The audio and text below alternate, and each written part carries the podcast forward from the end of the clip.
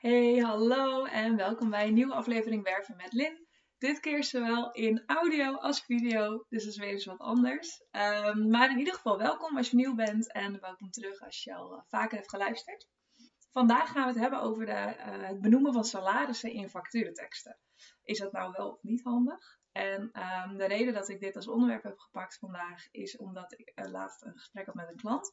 En dit ging over het benoemen van de, hoe heet het, van de salarissen. En um, de spoiler alert, onderzoeken wijzen uit dat uh, het benoemen van salaris vaak goed is, maar, uh, en meer sollicitanten aantrekt. Maar wat in dit geval was, is dat de uh, klant, dus de opdrachtgever, die vond het niet prettig om salarissen te noemen, om wat reden dan ook. En um, toen dacht ik toch van, nou oké, dat, dat, dat vergeten we misschien in het gemak even. Dat het is misschien wel het beste en sollicitanten reageren eerder. Maar uh, er zitten ook nadelen aan. En um, omdat nu heel erg de, de algemene mening lijkt te zijn, oh je moet het noemen, leek het mij goed om zowel de nadelen als de voordelen eens onder, het, uh, onder de loep te nemen, zo gezegd. Dus uh, laten we beginnen. Ik ga zo kort mogelijk houden. Ik hou van kort en krachtig, maar ik, uh, ik dwaal soms een beetje af. Um, om in ieder geval heel duidelijk te hebben, als ik over salarissen praat, heb ik het zowel over salarissen, dus weet ik het 3800, als salarisranges. Ik, ik, ik schaal het nu even onder dezelfde noemer. En we hebben het over bruto salarissen. En uh, daarnaast, goed om te weten, salaris worden natuurlijk bij elk bedrijf anders bepaald. Dus de een heeft echt salarisschalen en zit er dus misschien iets meer aan vast. Waar andere bedrijven het wat meer uh, los hebben en het soort van ja, bedenken of baseren op wat de rest van het bedrijf verdient. Dus ook goed om even mee te nemen. Um, en voordat we echt de voor- en de nadelen gaan bespreken, vind ik het uh, goed om te beginnen met de begrippen marktconform en uh, concurrerend. Ik moet zeggen, dat laatste uh, ben ik vandaag tegengekomen, maar heb ik niet zo vaak gezien. Uh, maar dat gaat dus over dat je in, je, nou, in de voorwaarden zet, je hebt een marktconform of een concurrerend salaris. En wat dat met deze begrippen is, is dat het een soort ja, allergische reactie veroorzaakt. Het is, het is eigenlijk een containerbegrip, een beetje wolkentaal. Het zegt niet zoveel. Ik wilde niet zoveel zeggen, maar het zegt eigenlijk niets. En het is een beetje vergelijkbaar met dat je flexibel moet zijn, spinnen het web, geen 9 tot 5 mentaliteit. Het zijn dingen die zo vaak worden um, gezegd of benoemd en een beetje ja, niet zeggend zijn, dat het eigenlijk een beetje averecht werkt. Dus nou ja, tip, probeer die woorden in ieder geval, wat je ook doet, uh, te vermijden. En dan gaan we snel door. De nadelen van het benoemen van een salaris in je factuurtekst. Uh, ik heb er drie en ik heb spiekbriefje. Um, tip of nadeel 1 uh, is dat je de juiste kandidaat kan mislopen. En dan heb ik het echt over, stel iemand zegt, nou ja, ik wil graag 3500 euro verdienen. En jouw factuur zegt, er is ruimte tot 3400. Dan heb je kans dat die persoon um, denkt, laat maar zitten, want ik wil meer verdienen. Dat, dat, daar, daar valt aan de andere kant ook wat voor te zeggen. Um, ik heb heel erg een beetje, als ze door 100 euro afschrikken, afschrikken dan uh, zijn ze dus niet verliefd genoeg op je bedrijf. Dan vinden ze het niet interessant genoeg. En ik vind het ook wel een beetje dat ik denk, ja, er staat een salaris range of er staat salaris. En als het 100 euro scheelt, ga je het daar op stuk laten lopen, vind ik dat dan wel weer wat zeggen over de persoon. Maar het is wel een risico die je in overweging mag nemen. Um, daartegenover staat de kans dat je juist mensen trekt vanwege het salaris. Dus eigenlijk nou, golddiggers of gewoon de, de, de mensen die alleen willen wisselen omdat ze ergens anders meer kunnen verdienen. Die, die, die kan je wel aantrekken op deze manier. En de, uh, het laatste nadeel is dat je um, het risico loopt dat je uh, het bruto-netto verschil ja, soort van negeert. Dus stel dat jij uh, bruto misschien een lager salaris hebt dan je concurrent, maar je concurrent heeft heel veel aftrek. Dus denk aan pensioen, verzekeringen, bijtelling, dat soort zaken. Um, en jij hebt dat bijvoorbeeld niet, dan kan het zijn dat je netto um, meer overhoudt aan het eind van de maand.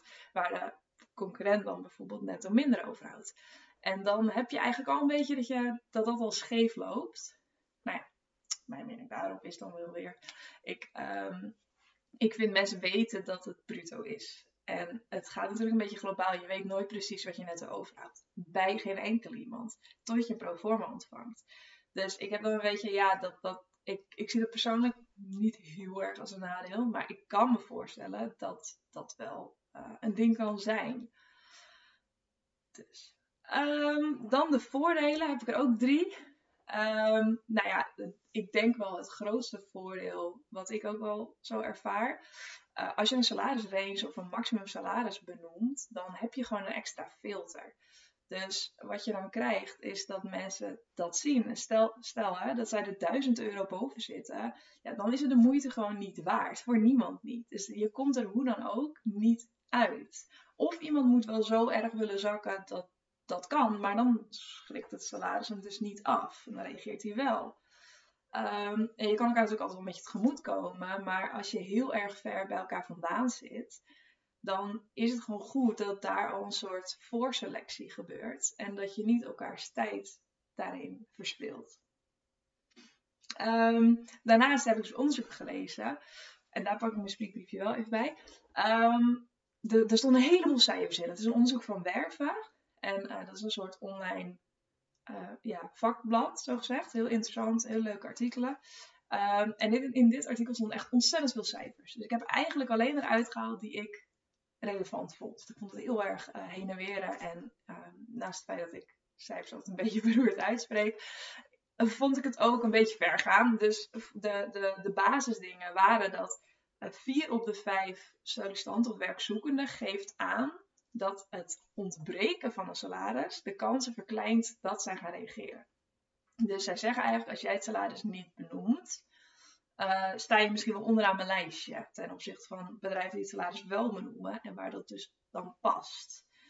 Uh, daarnaast heb je dus 22% die niet solliciteert als er geen salaris staat. Um, dat is natuurlijk best wel heel drastisch. Daar worden wel vergelijkingen mee gemaakt van, oh je koopt ook niks in de supermarkt als je niet weet hoeveel het kost. En iets met Tinder en profielfoto's. Die vind ik een beetje apart. Maar um, het is inderdaad de vergelijking van je wilt weten waar je aan toe bent. Um, en anders kan dat nog wel eens de uh, doorslaggevende klap zijn om niet te solliciteren als je bijvoorbeeld twijfelt. En um, die heb ik even samengevoegd. En als voordeel nummer drie uh, hebben we gezegd: uh, 55% van de Nederlandse werkende bevolking, dus beroepsbevolking, geeft aan dat ze het een belangrijke uh, ja, reden vinden, het salaris, zeg maar. Dus niet of ze gaan solliciteren of niet, maar ze die vinden salaris een heel belangrijk punt. En als het dus meer dan de helft vindt dat dus heel belangrijk bij het uh, zoeken van een nieuwe baan. En als het zo belangrijk is, is het dus voor jou als werkgever om daarop in te spelen en dat dus ook als uh, um, ja, hoe zeg dat? Als, trigger uh, toe te voegen. Positief trigger. dus dat ze zich aangesproken voelen door die facturen. En oh, het salaris past ook. Daar wil ik wel bij zeggen, um, je hebt heel veel geluiden van, oh ja, maar belangrijk dus gaat het om het geld. En ja, ik vind persoonlijk dat dat een misvatting is. Je kan iets belangrijk vinden, maar niet het belangrijkste. Dat is eigenlijk, ik spreek dat voor zich. En wat daar een beetje dingen. Ik heb ook in de detachering gezeten en daar sprak ik heel veel mensen van, nou, wat is je salariswens? Of, of op het moment ook met zzp'ers, wat is je uurtarief? En dan geven ze aan, ja, salaris is niet het belangrijkste, of geld is niet het belangrijkste. En ik snap wat je zegt, het is niet het belangrijkste. Um, en soms zeggen ze zelfs, ja, is niet belangrijk, ik wil gewoon een leuke plek. Maar als je dat wilt, dan kan je net zo goed vrijwilligerswerk gaan doen. En dat gaan ze niet doen. Dus wat we niet moeten vergeten, geld is belangrijk, want uh, je, je wil je, je maatstaf van leven, zeg maar, aanhouden. Dus je hebt een huur, je hebt een hypotheek. Weet ik, vriendin heeft net een camper gekocht uh, om in te wonen dan, zeg maar. Dus misschien is haar uh, eis van hoe, hoeveel er binnen moet komen is lager, maar er moet alsnog geld binnenkomen. Je moet benzine betalen, je huur, je hypotheek, je boodschappen, je, je hondenvoer, weet ik het. Je hebt kinderen. Dat zijn allemaal dingen die wel meespelen in het bepalen wat voor geld er binnen moet komen. Ze kunnen allemaal heel erg zeggen, ja, maar het is belangrijk dat ze op hun plek zitten en onze missie goed vinden en dat het helemaal een klik is en dat is allemaal hartstikke leuk. Maar er moet geld binnenkomen. Dat is heel simpel. En ik vind dan wel dat we een beetje van het, van het stigma af mogen van, oh ja, maar het gaat niet om het geld en mensen moeten het werk leuk vinden. Dat laatste helemaal mee eens. Je moet echt, je, je wil iemand die die feeling heeft met jouw missie en jouw visie. en die zich kan inzetten voor de lange termijn voor jouw organisatie. Helemaal mee eens. Maar daar hoort een stukje beloning bij. En dat is nou eenmaal deels in de vorm van geld. En ik, ja, ik vind daar soms een beetje dat dat een beetje, dat we allemaal een beetje, ja, niet lullen maar allemaal een beetje moraalridders gaan uithangen van oeh, het is niet belangrijk. Nee, ja, dat is het nou eenmaal wel. Het is alleen misschien niet het belangrijkste. Groot verschil. Tot zo mijn betoog. Um, wat hadden we nog meer? Oh ja, uh, mijn, mijn conclusie is in ieder geval in dit verhaal dat er geen uh, goed of fout is. Het is niet dat je het moet doen. Um, uh, het is ook niet dat je het uh, juist moet laten. Dus als jij er echt op tegen bent, doe het dan niet. Weet je, je hebt vast je redenen, helemaal prima. Dan doe je het niet. Maar uh, doe er dan wel wel overwogen. Dus je hebt dit verhaal, je hebt de cijfers gehoord. Je weet dat een uh, groot deel van de sollicitanten vindt het wel belangrijk. En dan is het aan jou om de bewuste keuze te maken om het niet te doen. Wat helemaal prima is. Ik heb alleen wel, als je twijfelt of het zou benoemen, doe het dan wel. Of in ieder geval, ga even het gesprek aan met mensen. Wat denk je, wat past? Uh, desnoods doe je een beetje A-B testen. Dus je doet eentje met salaris en eentje zonder salaris. En dan kijk je waar het meest op afkomt, bijvoorbeeld. Gewoon, gewoon eens uitproberen en kijken of er zowel kwalitatief als kwantitatief iets verandert. Want het is natuurlijk leuk als het wat binnenkomt. Het is nog leuker als het ook past. Um, dat is een beetje de, de, de, nou ja, denk de moraal van het verhaal. Kijk wat er bij jou past. Um, maar doe het met de informatie. Uh, doe onderzoek en maak daaruit uh, je keuze. En um, ik merk dat ik de laatste tijd veel gesprekken aan het voeren ben over facturenteksten.